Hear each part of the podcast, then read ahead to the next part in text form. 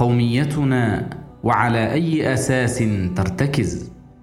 أيها الأخ تعال نصغي معا إلى صوت العزة الإلهية يدوي في أجواء الآفاق ويملأ الأرض والسبع الطباق ويوحي في نفس كل مؤمن أسمى معاني العزة والفخار.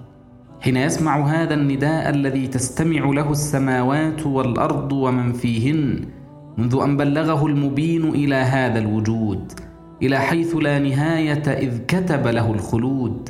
أجل أجل يا أخي هذا نداء ربك إليك. فلبيك اللهم لبيك وحمدا وشكرا لك لا نحصي ثناء عليك. أنت ولي المؤمنين ونصير العاملين والمدافع عن المظلومين الذين حوربوا في بيوتهم وأخرجوا من ديارهم. عز من لجأ إليك وانتصر من احتمى بحماك. أجل أجل يا أخي تعال نستمع معا إلى صوت القرآن الكريم ونطرب بتلاوة الآيات البينات ونسجل جمال هذه العزة في صحائف ذلك الكتاب المطهر. إلي إلي يا أخي واسمع قول الله تبارك وتعالى. الله ولي الذين آمنوا يخرجهم من الظلمات إلى النور. بل الله مولاكم وهو خير الناصرين. إنما وليكم الله ورسوله والذين آمنوا الذين يقيمون الصلاة ويؤتون الزكاة وهم راكعون. إن ولي الله الذي نزل الكتاب وهو يتولى الصالحين. قل لن يصيبنا إلا ما كتب الله لنا هو مولانا وعلى الله فليتوكل المؤمنون. ألا إن أولياء الله لا خوف عليهم ولا هم يحزنون الذين آمنوا وكانوا يتقون. ذلك بأن الله مولى الذين آمنوا وأن الكافرين لا مولى لهم.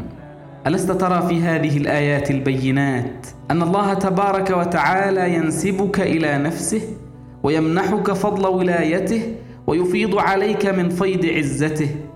وفي الحديث الشريف الذي يرويه المختار صلى الله عليه وسلم عن ربه فيما معناه يقول الله تبارك وتعالى يوم القيامة يا بني آدم جعلت نسبا وجعلتم نسبا فقلتم فلان ابن فلان وقلت إن أكرمكم عند الله أتقاكم فاليوم أرفع نسبي وأضع نسبكم لهذا أيها الأخ الكريم فضل السلف الصالح أن يرفعوا نسبتهم إلى الله تبارك وتعالى ويجعلوا أساس صلاتهم ومحور أعمالهم تحقيق هذه النسبة الشريفة فينادي أحدهم صاحبه قائلا لا تدعني إلا بيا عبدها فإنه أشرف أسمائي.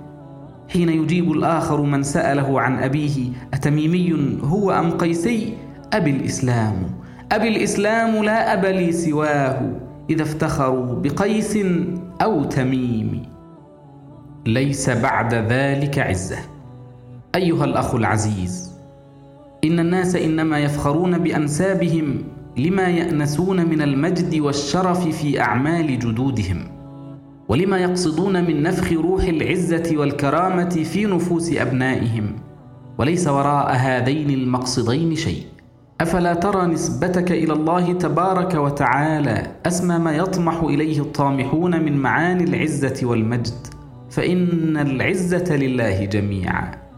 وأولى ما يرفع نفسك إلى عليين وينفخ فيها روح النهوض مع العاملين. وأي شرف أكبر وأي رافع إلى فضيلة أعظم من أن ترى نفسك ربانية. بالله صلتك وإليه نسبتك ولأمر ما قاله الله تبارك وتعالى. ولكن كونوا ربانيين بما كنتم تعلمون الكتاب وبما كنتم تدرسون.